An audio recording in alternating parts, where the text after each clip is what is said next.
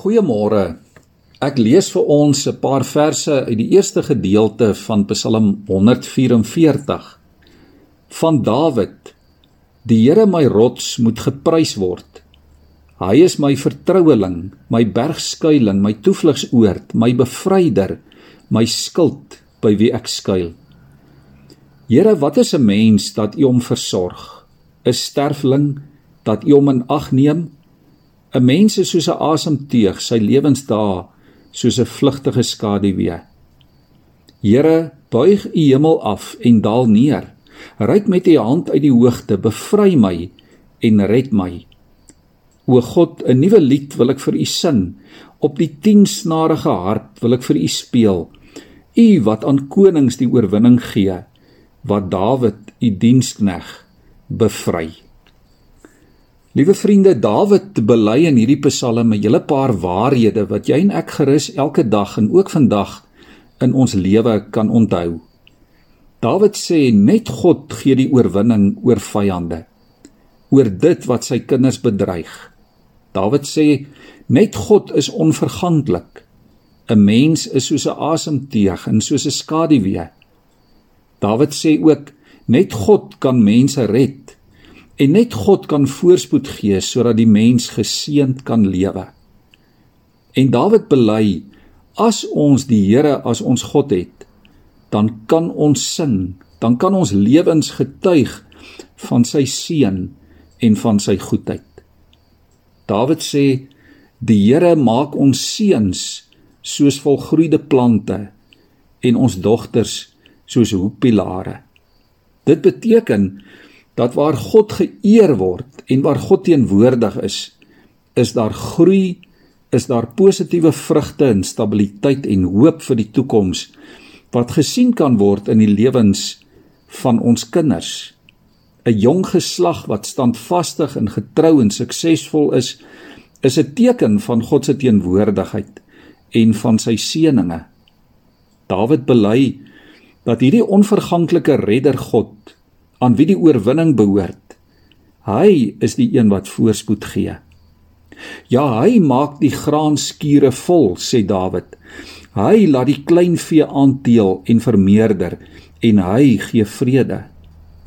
Vir 'n gehoorsame volk en gehoorsame mense beloof die Here geen geskreeu op die stadspleine nie en geen betogings, geen stakings, geen opstande in die strate nie. Hy gee vrede en rus en vertroue. Liewe vriende, ons mag en ons moet dit bid ook vir ons land, vir ons kinders en vir hulle toekoms. Dat die Here se seën op ons sal rus. Dat hy ons misdaadsyfers in ons geweld in bedwang sal bring.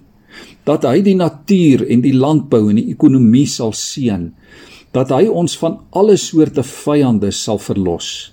Maar dan moet ons leef soos mense wie se God die Here is. Ja, dan moet ons leef soos mense wie se lewe 'n lied is tot eer van die Here.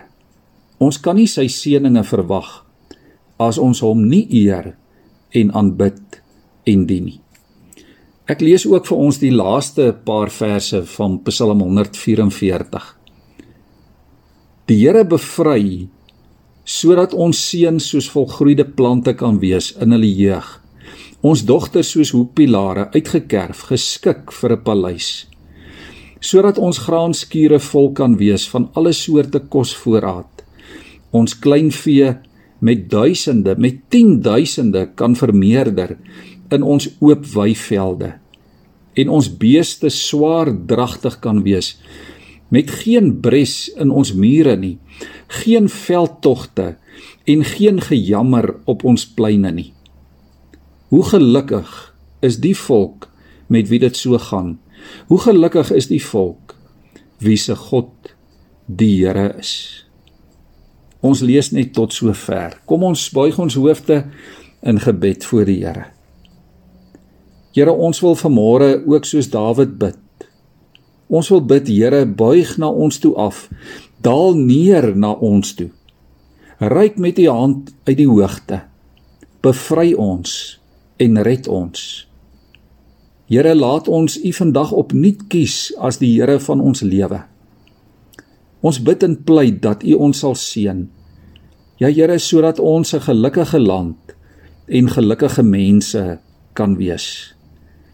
Ons bid dat die genade van ons Here Jesus Christus en die liefde van U ons Vader en die teenwoordigheid van U Heilige Gees ons lewens nuut sal maak sodat ons Here uit ons gemaksigtigheid en uit ons selfgerigtheid sal wakker word om U te dien.